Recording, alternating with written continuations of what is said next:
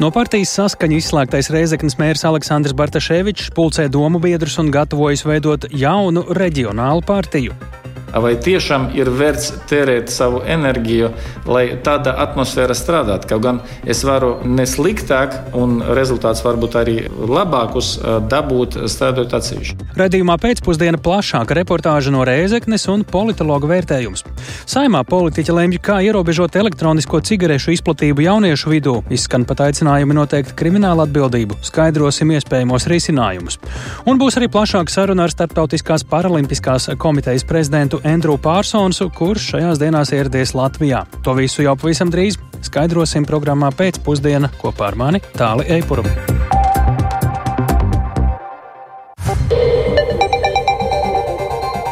Sešpadsmitos un piecās minūtēs skan pēcpusdienas ziņu programma, skaidrojot šodienas svarīgos notikumus. Studijā Tāls Eipurs. Turcijā turpinās bojā gājušo un cietušo meklēšana pēc vakar notikušās spēcīgās zemestrīces, pat vairāk nekā vienas. Un jaunākā informācija liecina, ka Turcijā un Sīrijā bojā gājušo skaits ir pārsniedzis 5000. Pasaules veselības organizācija ir brīdinājusi, ka dabas stihija varētu būt skārusi aptuveni 23 miljonus cilvēku. Valsts prezidents Rečeps Taips Erdogans desmit visvairāk skartajās provincēs ir izsludinājis ārkārtas stāvokli. Informācija par to, kāda pat laba ir situācija Turcijā, ir apkopojis kolēģis Uģis Lībietis ar Uģi. Šobrīd esam arī sazinājušies. Lūdzu, Uģi! Um, Sveicināti tāls vai klausītāji. Jā, nu, situācija zemestrīces skartajos reģionos patiešām ir dramatiska un upuru skaits arī turpina palielināties burtiski ar katru stundu. Un, Ņemot vērā visai ziemīgos laikapstākļus, cerība atrast izdzīvojušos kļūst um, arvien mazāk, taču ārvalstu informācijas aģentūra ziņo, ka radinieki turpina saņemt uh, mobilās ziņas, balss ierakstus no tuviniekiem, kas ir iesprostoti zem drupām. Nu, tāpēc cerības atrast un izglābt vēl kādu, protams, ir. Un, no šajā pēcpusdienā ar um, jaunāko statistiku iepazīstināja arī Turcijas viceprezidents Fuats Oktais. Nu, paklausīsimies viņa teikto. Toplamda 3419 kaybımız var. Pašlaik mums ir 3419 bojā gājuši pilsoņi un vairāk nekā 20,5 tūkstoši ievainoto. No drupām izglābto cilvēku skaits pārsniedz 8000.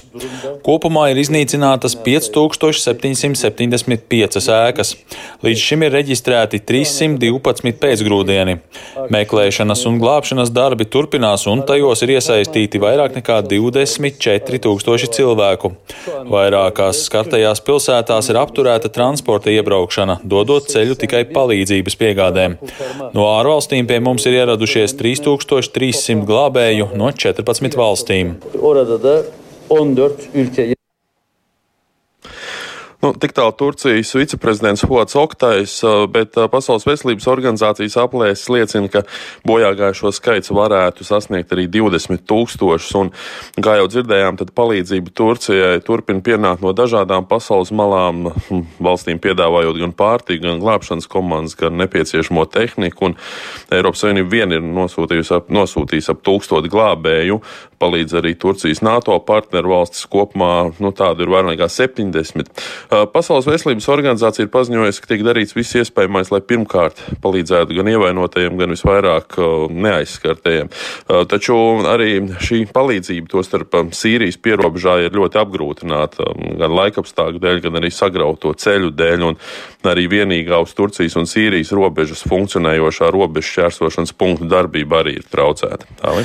Nu jā, mēs tiešām pārsvarā runājam tieši par Turciju, un zemestrīce pietiekami nopietna ir arī bijusi Sīrijā. Kāda tur ir situācija, cik daudz mēs par to zinām, jo teritorija pie Turcijas šķiet arī nekontrolē Sīrijas oficiālā valdība. Nu jā, šis tāds um, diezgan kutelīgs jautājums, jo Sīrijā bojā gājušo skaits ir aptuveni divreiz mazāks nekā Turcijā. Nu, taču, godīgi sakot, arī vēlme palīdzēt Bašara al-Asad režīmam ir daudz pieticīgāka, un Sīrijas sarkanā pusmēnesis organizācija joprojām aktīvi aicina starptautisko sabiedrību atcelt um, joprojām spēkā esošās sankcijas, lai cietušie varētu saņemt nepieciešamo humāno palīdzību. Un, uh, kā jau minēja, arī šis robežšķērsošanas punkts, caur kur no Turcijas Sīrijā tika piegādāta palīdzība, ir bojāts. Un Pasaules veselības organizācija norāda, ka šis nu, būs vēl viens ļoti nopietns trieciens tiem tūkstošiem cilvēku, kuri jau ir pārvietoti vairāk nekā desmit gadus ilgušajā karā un kuri tāpat jau cieši gan no holēras, gan citu slimību uzliesmojumu, nemaz jau nerunājot par ekonomisko krīzi. Nu, turklāt šeit ir arī vēl kāda nianse. Tad līdz šim Damaskas sabiedrotie, Krievija, arī Ķīna, šādu pārobežas palīdzību sniegšanu sauc par Sīrijas suverenitātes pārkāpšanu, arī veicināja to, lai šādu robežu šķērsošanas punktu būtu mazāk. Nu, taču jāsaka, ka nu, Krievija kopā ar Irāku ir viens no pirmajām valstīm, kas savus glābējus ir nosūtījušas arī uz Sīriju. Tātad tik tālu par situāciju visjaunāko, kas ir pašā Turcijā un Sīrijā. Paldies Uģim Lībietim, bet Latvijas valdība ir nolēmusi steidzami palīdzēt Turcijai piešķirt 70 tūkstošus eiro. Tā raidījuma pēcpusdien pirms brīža informēja ārlietu ministrs. Jautājums valdības dienas kārtībā parādījās tikai šodien, un lūk, mums īsi pēc lēmuma pieņemšanas pavēstīja Edgars Rinkevičs. Mēs koordinējam ar starptautiskām organizācijām un, protams, arī ar Turcijas varas iestādēm, kam tieši precīzi šī nauda tiks novirzīta, bet eh, šobrīd primārā doma ir tiem, kas ir palikuši bez pajumtes. Otra lieta, par ko informēja iekšlietu ministrs Kačinska kungs, ka uz Turciju Eiropas Savienības palīdzības ietvaros dosies arī viena mūsu eksperta, kas palīdzēs arī koordinēt palīdzības sniegšanu uz vietas. Nu, tātad 70 tūkstoši eiro finansiāla palīdzība un arī praktiska eksperta palīdzība ir tas, ko Latvija šobrīd sniedz kā atbalstu Turcijai. Kas ir tās vajadzības, kas izskan no Turcijas puses? Pirmām kārtām medicīniskais atbalsts, otrām kārtām tas, kas, protams, šobrīd ir visakūtākais un jau ļoti daudz starptautiskā palīdzība tiek sniegta, ir palīdzēt vienkārši cilvēkus atrakt no drupām, bet ir arī, neaizmirsīsim, ziema un arī praktiski jautājumu pajumtes sniegšana dažāda veida preču piegāde, sākot no sagām, beidzot ar konteineriem, ir tas, kam šī palīdzība vajadzīga. Nu, neaizmirstam arī to, ka, diemžēl, ir vēl vairāk zemestrīces grūdienu bijuši, vēl tā situācija nav stabila, vēl ir ļoti daudz neskaidrību, tāpēc palīdzība un konkrētais palīdzības apjoms un pieprasījums tiešām vēl tiek koordinēts, vēl tiek mēģināts saprast, kas un kā vajadzīgs, bet ir skaidrs, ka šīm sakām gan Turcijai, gan arī Sīrijai būs vēl jātiek galā ļoti ilgu laiku. Šie 70 tūkstoši aizceļot līdz Turcijai visātrākajā veidā, ja naudas veidā, vai tā jau būtu kāda taustām palīdzība, kas nav naudas formā, mums tas izmaksāt 70 tūkstoši? Ziniet, mums jau pārbaudījies praksē, ka visātrāk un vislabāk strādā iemaksa naudas veidā, nevar būt preču iegāde. Šī nauda nu, parasti tiek maksāta vai caur ANO vai caur sarkanā krusta mehānismu, kur attiecīgi attiecīgi jau ir labi iestrādājusies sistēma, kā šī palīdzība sasniedz cilvēkus. Tas ir vienkārši jau dabā un praksē pierādījies sevišķi pirmajās dienās, nedēļās. Tam ir lielāka nozīme, ka par šo naudu var nopirkt ātri vai atjaunot kaut kādu resursu, nekā varbūt skatīties te uz vietas. Tas ir šoreiz ātruma jautājums. Savukārt mūsu eksperti šodien dodas prom, bet tur, protams, kolēģi no valsts ugunsdzēsības dienesta un, un iekšlietu ministrijas varēs precīzāk iezīmēt darāmo darbu apjomu. Šī ilgu laiku būs eh, sāpē Turcijai un Sīrijai, vai par to jau Latvijā Tagad jau ir sākts domāt, kā mēs varētu palīdzēt, vai tas pagaidām eh, nav dienas kārtībā, jo ir straujākas lietas darām. Es domāju, šī ir tā pirmā lieta, ko mēs darām, bet tālāk kā palīdzība un atbalsts, protams, kad vairāk tiks koordinēta Eiropas Savienības līmenī, kas arī ir ar labu mehānismu. Tā kā jā, šis ir sākums, un tad jau mēs koncentrēsimies vairāk uz sadarbību ar Eiropas Savienības partneriem. Tā ārlietu ministrs Edgars Rinkēvičs komentējot Latvijas palīdzību Turcijai pēc postošajiem pazemes grūdieniem. Tikmēr politiska zemestrīce turpinās Latvijas austrumu novados no partijas eh, saskaņa tikko izslēgtais Rēzeknas mērs Aleksandrs Bartaševičs šovakar eh, rīko sanāksmi viņa līdzšinējiem partijas biedriem no Rēzeknes un Lūdzes un Balvu novadiem, lai kopīgi lemtu par turpmāku politisko rīcību. Viņš apliecina, ka jau šobrīd ir saņēmis no partijas saskaņa ievēlēto Rēzeknes domas deputātu mutisku atbalstu ar gatavību izstāties no partijas un kopā ar viņu iet jaunu politisko ceļu. Bartaševičs arī pieļauj iespēju veidot jaunu reģionālo partiju. Vairāk klausāmies Lauras Ieviņas siždā. Reizeknas pilsētas domas priekšsēdētājs Aleksandrs Bartaševičs partijas saskaņa rindās ir bijis jau gandrīz 20 gadus, taču pirms partijas kongresa janvārī plaši izskanēja viņa un partijas vadības viedokļu šķelšanās. Par partijas diskreditāciju un statūtu pārkāpumiem saskaņas valde pirmdien lēmusi izslēgt Bartaševiču no partijas rindām. Jo mēs uh, secīgi dzēnam prom no partijas visus, kas citādi domājuši, ja, vai, vai gribējuši kaut kādu savu uh, ārtavu ienest partijas darbā, bet neapmierināja vadību. Vai tiešām ir vērts tērēt savu enerģiju, lai tāda atmosfēra strādātu? Kaut gan es varu nu, ne sliktāk, un rezultāts varbūt arī labākus dabūt strādājot atsevišķi. Ja? Aleksandrs Bartaševičs stāsta, ka jau šovakar rīko sanāksmi partijas saskaņa biedriem no Rēzeknes, Ludzas un Balvu novadiem, kā arī viņa nostājas atbalstītājiem, lai lemtu par turpmāku rīcību. Viņš prognozē, ka sanāksmē varētu piedalīties aptuveni 120 cilvēki. Mēs ar viņiem lemsim, ko darīt tālāk. Nu, acīm redzami, ja mēs izstāsimies no, no vienas partijas, tad nu, mēs domāsim, ko darīt tālāk, vai dibināt jaunu partiju, vai pievienoties kādam politiskam spēkam, kas ir tuvu mums pēc, pēc ideoloģijas. Jā. Sanāksmē plānojot piedalīties arī no saskaņas ievēlētie Reizeknes domas deputāti, kuri mutiski mēram esot apliecinājuši savu gatavību izstāties no partijas.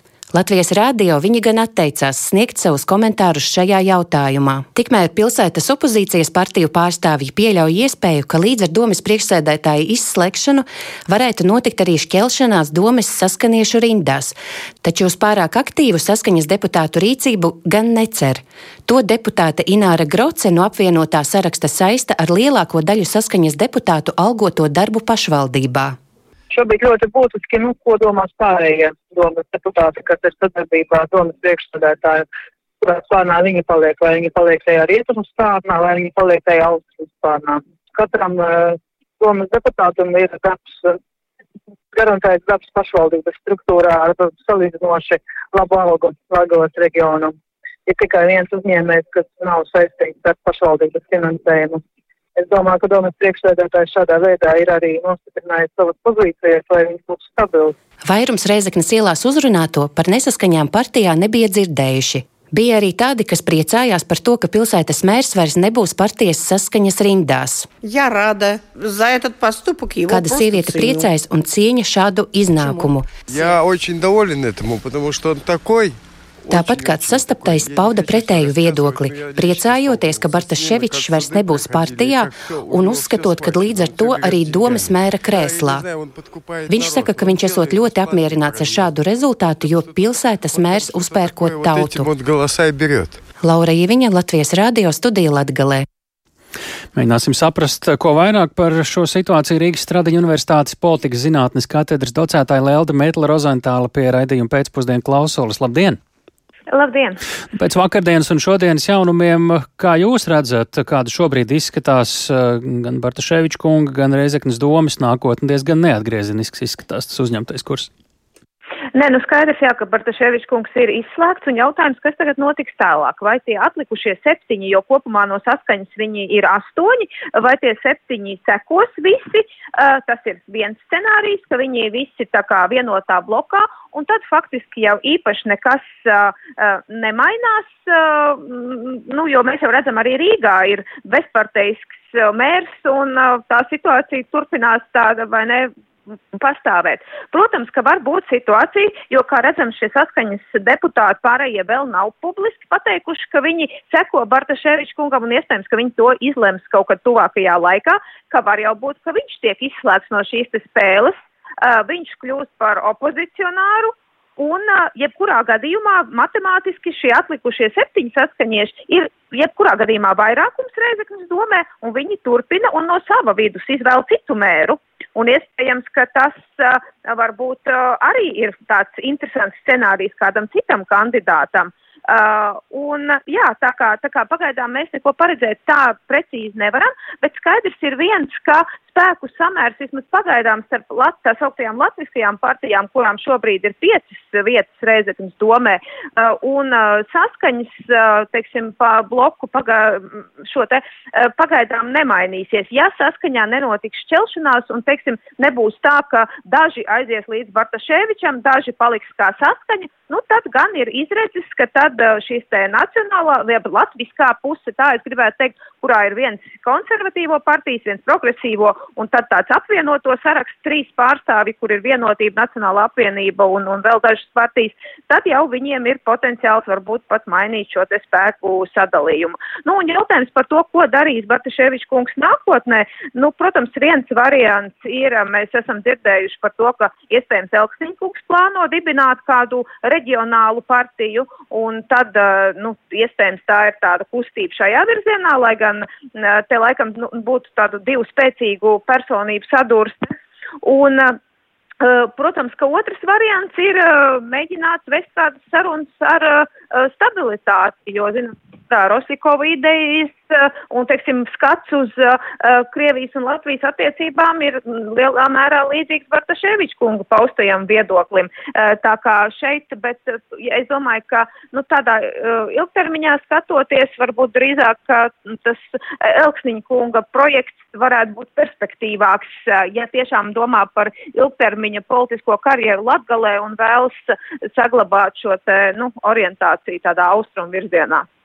Liels paldies! Uh, to mēs sakām Lieldējai Meitlē Rozentālē Rīgas Stradiņa Universitātes politikas zinātnes katedras docētājai. Nākamais stāsts mums ir par pārvadājumiem un kārtaļiem. Vai un kad autotransporta direkcija lauzīs līgumu ar konkurences padomas atklātā sabiedriskā transporta pārdātāja karteļa dalībniekiem un kādus zaudējumus var piedzīt valsts? Šodien saimnes atbildīgās komisijas sēdē par to, kas notiks tālāk, sprieda nozars pārstāvji. Sēdē sekoja līdzi arī kolēģa Linda Spundiņa. Linda arī pie mums pievienojas studijā. Linda, kas saimnes sēdē tapa skaidrāks par šīs lietas attīstību?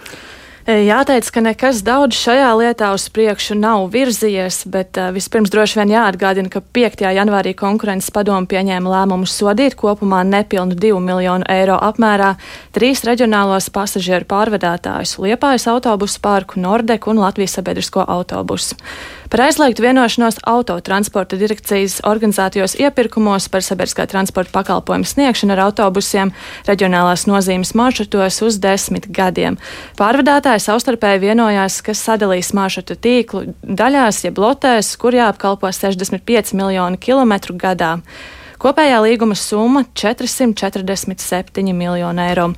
Šobrīd zināms, ka Nordeka paziņojas, ka konkurences padomes lēmumu uzskata par kļūdainu un plāno to pārsūdzēt.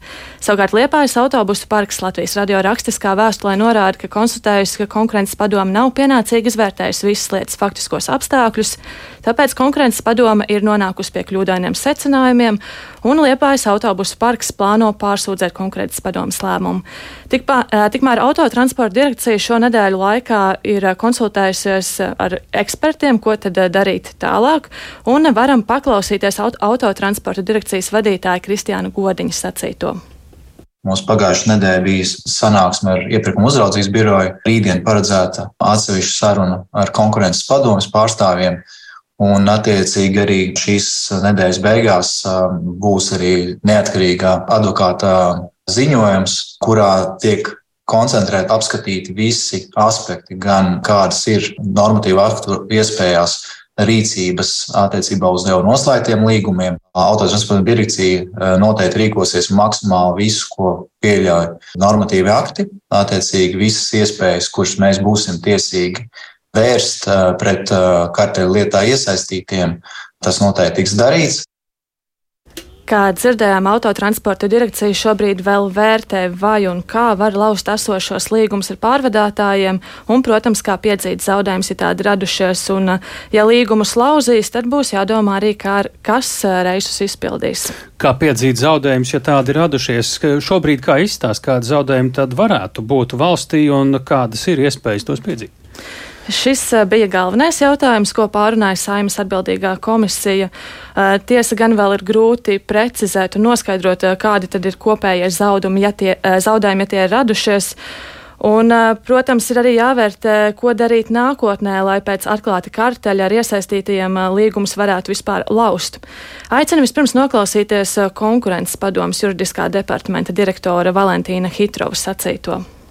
Mēs esam atbilstoši likumu vērtējuši pašu pārkāpumu, esam noteikuši arī atbildību tātad pārkāpējiem, bet konkurences padoma atbilstoši likumam nevērtē zaudējumu apmēru, Tas ir kaut kas, kas tiek risināts civil procesā, tas tiek risināts iesniedzot prasību tiesā, un attiecīgi katram, kuru skar jebkurš lēmums, kurā konkurences padomu konstatē pārkāpumu, tad ir, ir tiesīgs individuāli vērtēt, vai ir cietuši vai nav cietuši, un attiecīgi vērsties tiesām. Jā, kā dzirdējām, tad konkurences padome savu ir izdarījusi. Savukārt eh, tālāk jau jāvēršas ar tiesā un jāskaidro šie zaudējumi. Un eh, cietušie var eh, prasīt atlīdzināt visus zaudējumus, gan reāli radītos par negūto peļņu un procentus no dienas, kad zaudējumi radušies, līdz dienai, kad samaksāta zaudējuma atlīdzība. Faktiski cietušie to var darīt tad, kad konkurences padomes lēmums tiesiski stājies spēkā. Konkurences padome 18. janvārī savu lēmumu paziņoja lietas dalībniekiem, kam mēneša laikā ir iespēja lēmumu pārsūdzēt tiesām. Pēc pirmās instances tiesas spriedumu var vērsties arī otrajā instancē, kas nozīmē, ka tas var prasīt arī gadus. Un vēl viens variants - puses var vienoties par zaudējumu atlīdzināšanu uz līguma pamata bez tiesas iesaistas, bet tas nozīmē, ka savstarpēji būtu arī jāvienojas. Kur pagaidām neizskatās, ka uh, karteļa ap karteli apsūdzētie būtu ar mieru piekrist tam, ko saka valsts, vai precīzāk konkurences padomu. Sakām paldies eh, Lindai Spundiņai, tik tālu par uh, nākotni, kas iezīmējas pēc uh, šī konkurences padomes atklātā karteļa, bet pievēršamies lauksaimniecībai, jo lauksaimnieki ir satraukti par straujo piena iepirkuma cenas kritumu. Viens no lielākajiem kooperatīviem piena loģistika lēš, ka pāris mēnešos iepirkuma cena samazinājusies par 40%, un tas zemniekiem šobrīd liek strādāt krietni zem pašizmaksas, un zemkopības ministrija tikam uh, sola meklēt risinājumus piena tirgus stabilizēšanai. Par to, kā pat laban, kāda ir situācija piena saimniecībās un kādus risinājumus regulārajām piena cenas svārstībām redz kooperatīvi plašāk Sintīs Ambotas ierakstā. Mums ir 170 slaucamas govis, un visam saimniecība, kas no 92. gada ir izveidojusies no vienas slaucamas govs. Dienvidu kurzemes novada zemnieku saimniecības birzītes viens vadītāja Vizmas Silenietis atzīst, ka ilgos gadus strādājot nozarē, piena cenas svārstībām ir gatava, bet šis esot straujākais kritums viņas pieredzē. Tas ir tiešām ļoti drastiski. Maksimālā sema mūsu saimniecībai bija 54 centi uz 1. septembri.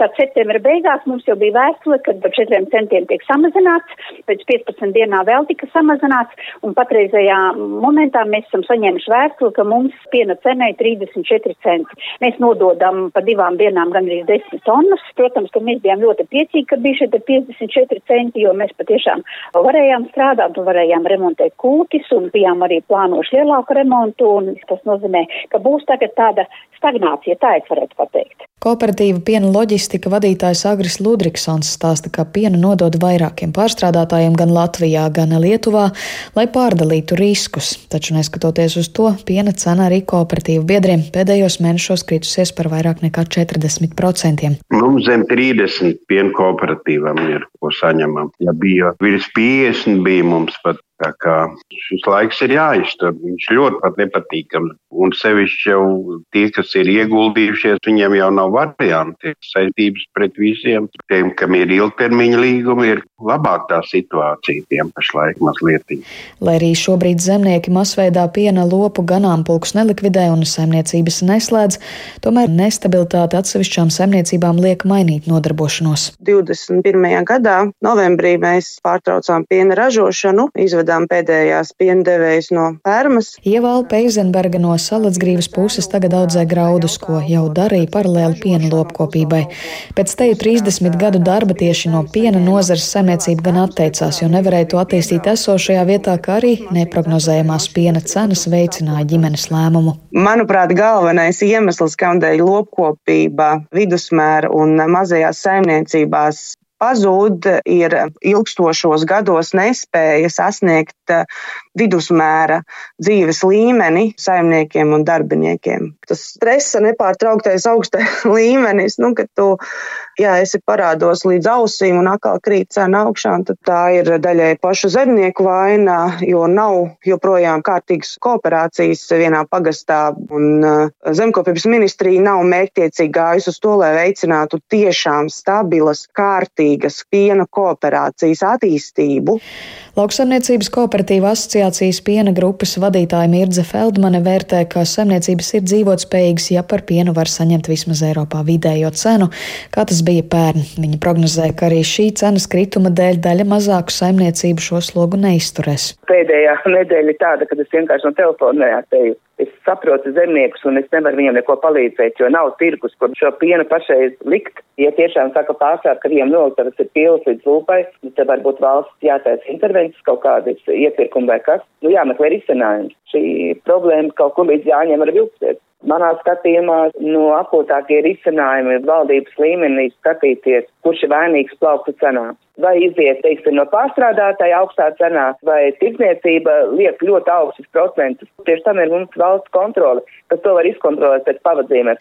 Latvijā no pārstrādē iepirktā kopējā piena daudzuma tikai 35% tiek izmantoti vietējo produktu ražošanai, bet pārējo svaigpiena vai produktu veidā eksportē. Pārstrādātāji norāda, ka piena iepirkuma cena ir atkarīga no situācijas Eiropā, kur pat laban izveidojies sviesta, sauso produktu un industriālo piena produktu uzkrājums. Kā rezultātā mazinājies to pieprasījums un cena. Sinti Ambota, Latvijas radio. Šobrīd esam sazinājušies arī ar Zinkopības ministrijas valsts sekretāru Raivu Kronbergu. Labdien! Labdien! Nu, Sīžetā arī dzirdējām izskanēja aicinājums valstī meklēt risinājumus situācijas stabilizēšanai, nu, piemēram, veicot arī kādus intervences iepirkumus vai šāda vai kāda līdzvērtīga iespēja tiek apsvērta. Jā, protams, es arī dzirdēju jūs sižetu. Protams, piena ražošana ir sektors, kas ir raksturīgs straujai cenu izmaiņām un krīzes posmiem. Un tieši tāpēc arī ministrs uzdeva gatavot šo informatīvo ziņojumu, kurš tiešām būs visaptverošs un kurā mēs arī dosim uh, iespējamos rīcības pasākumu situācijas stabilizēšanai. Un tie būtu? Nozarē. Un tātad mums ir esoši jau iespējamie, ko mēs varam pamainīt attiecībā nu, uz akcijas degvielu, kas uh, piena lopkopiem un visiem lauksaimniekiem svarīgi pārskatīt arī mūsu cildes darba maksājumu um, sadalījumu priekšroka, kam būtu, kas ātrāk varētu risināt šīs uh, krīzes situācijas. Un tad, protams, mums arī ir ilgtermiņa risinājumi. Uh, viens no ātrējiem vēl ir tas, ko mums likumdošana jau pieļauj arī vērsties pie vida ar šīm uh, kredīt brīvdienām vai nodokļu brīvdienām. Uh, kur šajās krīzes situācijās tomēr varētu vēlāk nomaksāt visu valstī nepieciešamos nodokļus, bet atrisināt tīri ražošanas izmaksas vai situācijas, kur vispār likt produkciju. Kā jau sižetā izskanēja tieši piena lopkopiem, jau ir tā situācija, ka piens tiek ražots katru dienu, un viņš ir jā, jā, jāsaprot, kur realizēt. Un otrs, kur mēs noteikti arī ķersimies klāt šī veikalu ķēdēm, cenu politikai attiecībā uz vietējo preci. Uh, salīdzinoši ar importu preci. To arī tad... nu, protams, arī šie publiskie iepirkumi skolām, slimnīcām, armijām, publiskam sektoram, lai tās vietējā patēriņa precē būtu, kur no, noiet, un arī jāveido ir kaut kāda krīžu fonds, krīžu banka, par ko vienmēr labos laikos runā, bet to neuzsāk, un varbūt šī krīze kā tev reiz parāda, kad ir kaut kas jāiz, jādara kā apdrošināšanas mehānisms, kur, nu, pieņemsim, no katra lopa tiek iemaksāti zināmi centi e, šajā fondā, kad uh, cenu stabilizēšanai vajadzīgs šo naudu paņemt, lai viņi normalizētu attiecībā uz to, kā tirgus kaut ko ir ietekmējis. Jo, kā mēs zinām, kad tiks, kad tiks pieņemti šie uh, visi uh, varianti oficiāli kā piedāvājums, vai arī tie vēl tiks skatīti pavisam īsi? Uh, viņi visi tiek tagad uh, ar ekspertiem un organizācijām nozars speciālistiem uh, apkopot, strādāt, nu, cerams, divu nedēļu laikā mēs arī vērsīsimies ministru kabinetā, kurā mēs šos ātros īstermiņu un ilgtermiņu risinājumus piedāvāsim, kā Jā. tālāk uh, darboties Labi. ar šo nozari. Lielas paldies, Raivs Kronbergs, Zemkopības ministrijas valsts sekretārs, un turpinām mēs par kādu ļoti jauniešu un bērnu veselībai un arī visas sabiedrības veselībai svarīgu tematu, lai cīnītos ar bērnu un jauniešu iespējām iegādāties e-cigaretes, jeb tā saucamos saltus. Šodien Saimas atbildīgā komisija turpināja skatīt grozījumus tabaks likumā, jau otrajā lasīmā, iekļaujot arī desmit tūkstošu iedzīvotāju iniciatīvu par aromatizēto e-cigarešu aizliekšanu jau esošā likuma projekta izstrādes gaitā. Par to, kā uz šo skatās skolēni, speciālisti, plašāk Agnijas Lazdiņas ierakstā. Smaržas un garšas pievilina bērnus smēķētāji cigaretes. Tā stāsta Rīgas ielās sastaptie skolēni. Jaunieši atzīst, vecuma ierobežojums piekļuvi tām neapgrūtinātu, pilnīgs aizliegums gan. Nu, я думаю, это наоборот лучше будет. Es domāju, ka tas būs labāk bērnu veselībai. Bet jūs pīpējat? Nu, это да. Jā, bet gribētu to nedarīt. Ja pārdos no 21 gada, tad atradīsies cilvēki, kas tāpat pārdos bērniem. Skolā mums arī stāstīja, cik slikti tas ir, bet nevienam tas neinteresē. Все те, кто курит, никому это не. Es domāju, tas tāpēc, ka viņi redz no pieaugušajiem piemēru. Tā kā viņi grib būt pieauguši, tāpēc sāk pīpēt un arī dzert. Es domāju, tas ir daļa draugu klubiņiem. Nu, arī. Arī Bērnu Kliniskās Universitātes slimnīcas virsārste Renāte Snipe domā, ka aizliekšana ir labākais veids, kā ar to cīnīties. Viennozīmīgi mēs esam par to, ka ir jāaizliedz alternatīvās smēķēšanas ierīces ar dažādām garšām, jo tas ir ātrākais ceļš, lai bērni pat ļoti mazā vecumā gribētu mēģināt, un kā šobrīd rāda pieredze, kā liecina skolotāji, skolu direktori, tā ir milzīgi plaši izplatīta problēma. Saimas sociālo un darba lietu komisijas priekšsēdētāja Inga Bērziņa uzsver, ka būtu nepieciešams arī palielināt soda naudas, tostarp jāskata krimināla atbildība par e-cigarešu neatļautu tirgošanu lai šī cīņa kļūtu pēc iespējas efektīva. Lai ar to reiķinātos arī jaunieši, tas varētu būt līdzeklis, kas palīdzētu pret šo sērgu cīnīties. Tāpat tiek apsvērti arī citi ierobežojumi, piemēram, paaugstināt legālo iegādes vecumu līdz 19 gadiem un pastiprināt muitas kontroli, lai elektroniskās cigaretes nenonāktu nelegālā tirzniecībā. Agnija Lazdiņa, Latvijas radio. Šodien saimnes komisijas sēdē klāt bija arī pusauģu psihoterapijas centra vadītājs, bērnu psihoterapijas speciālists Nils Saks Konstantīnos. Viņam pirms brīža vaicājām, kāda ir viņa secinājuma par komisijā dzirdēto un kas viņa prāt būtu darāms, lai mazinātu elektronisko cigarešu problēmu bērnu un jauniešu vidū. Pirmā lieta, kas pārsteidz, ir tas, ka šāda veida lēmumi tiek pieņemti. Tomēr jāsaka tīri emocionāli nebalstoties no absolūti nekādos plašākos pētījumos vai datos. Un, uh, mēs nedzirdējām nu, tiešām nevienu atsauci uz kādiem pētījumiem vai kādu pamatojumu, kāpēc tas, ko šodien mēģināja pieņemt, kāpēc tas varētu palīdzēt kādam atmest smēķēšanu, samazināt smēķēšanu, palīdzēt bērniem kaut kā neuzsākt smēķēšanu.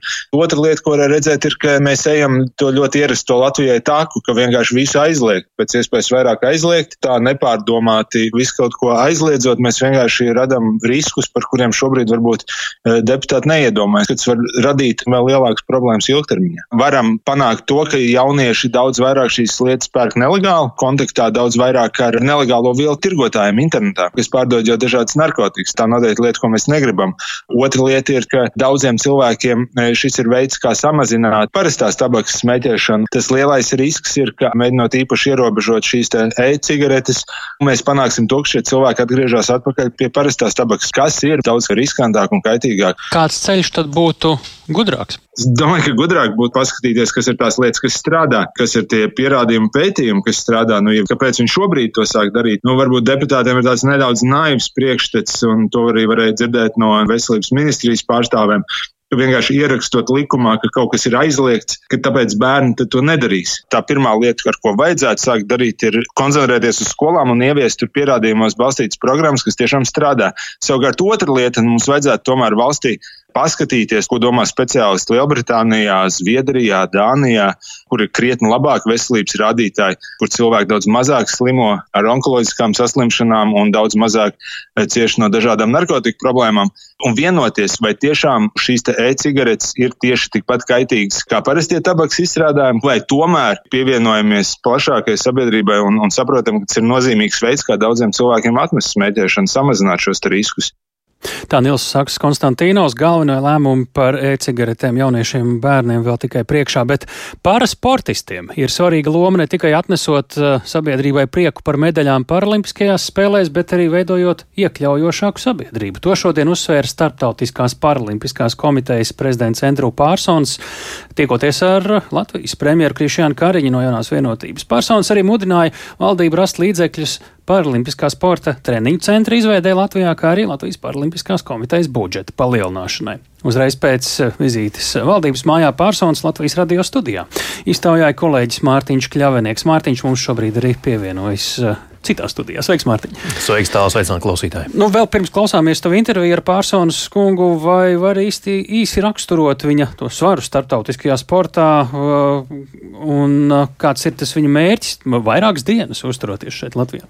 Jā, nu, tā individuāli tā var teikt, ka tā ir visaugstākā starptautiskās paralimpiskās komitejas amatpersona, un principā tas ir arī šīs um, organizācijas vadītājs. Skaidrs, ka viņiem tur ir sava hierarhija, viņš tāpēc uh, svaru ir tikai nu, trešais uh, lielākais spēlētājs tajā visā kopumā um, Paralimpiskās komitejas uh, uzbūvē, bet uh, tas nemazina viņa lomu, ļoti augsta amatpersona. Uh, es domāju, ka tam ir svars. Ja viņš saka, jā, tas, ko saka Latvijas Paralimpiskā komiteja, ir pareizi, tā ir jādara, nu varbūt tas aizies tomēr ar lielāku svaru pie amatvīriem. Ar lielāku skaļumu līdz amatpersonām. Jā. Klausāmies jūsu sarunā. Pārsons kungs viesojoties Latvijā jau vairākas dienas, bet kāds ir jūsu vizītes galvenais mērķis šeit Latvijā? I think is understand how we, International Paralympic Committee, can better. Esmu šeit, lai saprastu, kā labāk atbalstīt Latvijas Paralimpisko komiteju viņu ceļā uz attīstību. Palīdz uzsvērt to, cik svarīgi ir palielināt komitejas budžetu, veicināt parasportistu iekļaušanos sabiedrībā, kā arī virzīt Paralimpiskā treniņu centra izveidi. Training center is a long-standing project that they want to tackle. Iepriekš ciemojāties gan pie igauniem, gan pie lietuviešiem. Kādas tad ir tās galvenās atšķirības vai kopīgās iezīmes Baltijas paralimpiskajā vidē? To be honest, I thought you would have more in common Atklāti sakot, bija domājis, ka jums būs vairāk kopīga ar lietuviešiem un igauniem. Latvijas Paralimpiskās komitejas budžets ir divreiz mazāks nekā igauniem, bet četreiz mazāks nekā kolēģiem Lietuvā. Ja skatāmies uz sasniegtiem rezultātiem, tad Latvija ir ar atrāvienu labākā Baltijā. Tas, kas jums visiem Baltijā ir kopīgs, noteikti ir sapratnes trūkums par paralimpiskā sporta pozitīvo efektu uz sabiedrību. Jā, lepojieties ar medaļām, bet nav tilta starp šīm godalgām un to, kā kļūt par iekļaujošāku sabiedrību. Nesaku, ka Latvija vai Baltijas valstis nav iekļaujošas, bet vienmēr ir vieta pilnveidēji. Paralimpiskais sports var būt ļoti labs katalizators. Tāpēc arī esmu šeit, lai dalītos ar ieteikumiem un citu valstu pieredzi. Kas tagad ir galvenais, kas latviešiem būtu jādara, lai pilnveidotu paralimpiskā sporta sistēmu un to vērstu uz attīstību? So, yes, I would say that you still live on the enthusiasm of a few leaders. Jūs joprojām paļaujaties uz dažu līderu entuziasmu. Nav sistēmas. Ir kaut kāda infrastruktūra, bet nepietiekami daudz. Redzu iespēju to visu pilnveidot līdz ar jaunā sporta likuma izstrādi. Tā ir iespēja Latvijas paralimpiskajam sportam iegūt vairāk resursu, skaidrāku lomu kopējā sporta politikā valstī. Jānodefinē, par ko Latvijas paralimpiskā komiteja ir atbildīga. Jāizveido sistēma. Bet mans uzdevums šeit nav rādīt ar pirkstiem un teikt priekšā, kas jādara. Esmu šeit, lai parādītu savu atbalstu. Paralimpiskās spēles pasaulē kļūst arvien populārākas. Ar katru nākamo paralimpisko ciklu vasaras spēles piesaista arvien lielāku televīzijas auditoriju. Kas tad šobrīd ir paralimpisko spēļu galvenais uzdevums? Persons with disability, when they see people with similar disabilities than they have, kad cilvēki ar īpašām vajadzībām ekrānā redz sev līdzīgus sportistus Paralimpiskajās spēlēs, viņi jūtas iedvesmoti. Parasti pirmā reakcija visiem ir pārsteigums. Kā viņi tā var? Katram paralimpisko spēļu skatītājam jāsaprot, ka tas ir kas vairāk par sportu. Tas maina cilvēku dzīves visā pasaulē, un pasaulē paralimpiskās spēles šobrīd ir vajadzīgas vairāk nekā jebkad agrāk. plaši izplatīta sabiedrības polarizēšanās. Tā ir vienkārša necieņa pret citādiem vai citādi domājošiem. Daudzveidība un sadarbošanās ir atslēga šīs planētas pastāvēšanai. Atšķiršanās no pārējiem jāuztver kā priekšrocība, nevis trūkums.